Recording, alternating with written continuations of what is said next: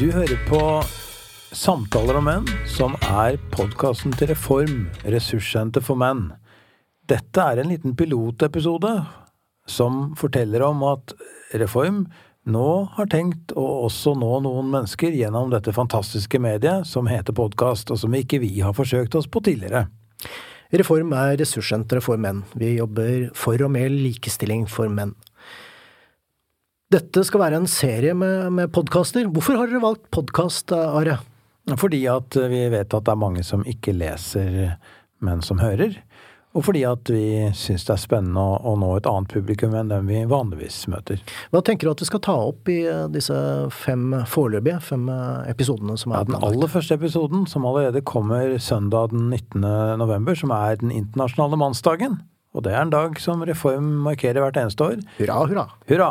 Den dagen presenterer vi en podkast som skal handle om menn og risiko.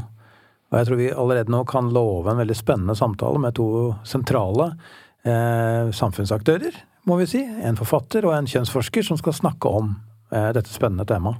Har du noen flere temaer på trappene? Ja, tør jeg å si det? Jo da. Ja. Vi skal snakke om menn og sex.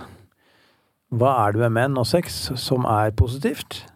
Og hvordan kan vi snakke om en seksualitet på en måte som ikke bare er æsj? Så det er ikke bare den negative siden med overgrep som blir Tvert imot. Vi skal snakke om hvorfor menn bør ha sex.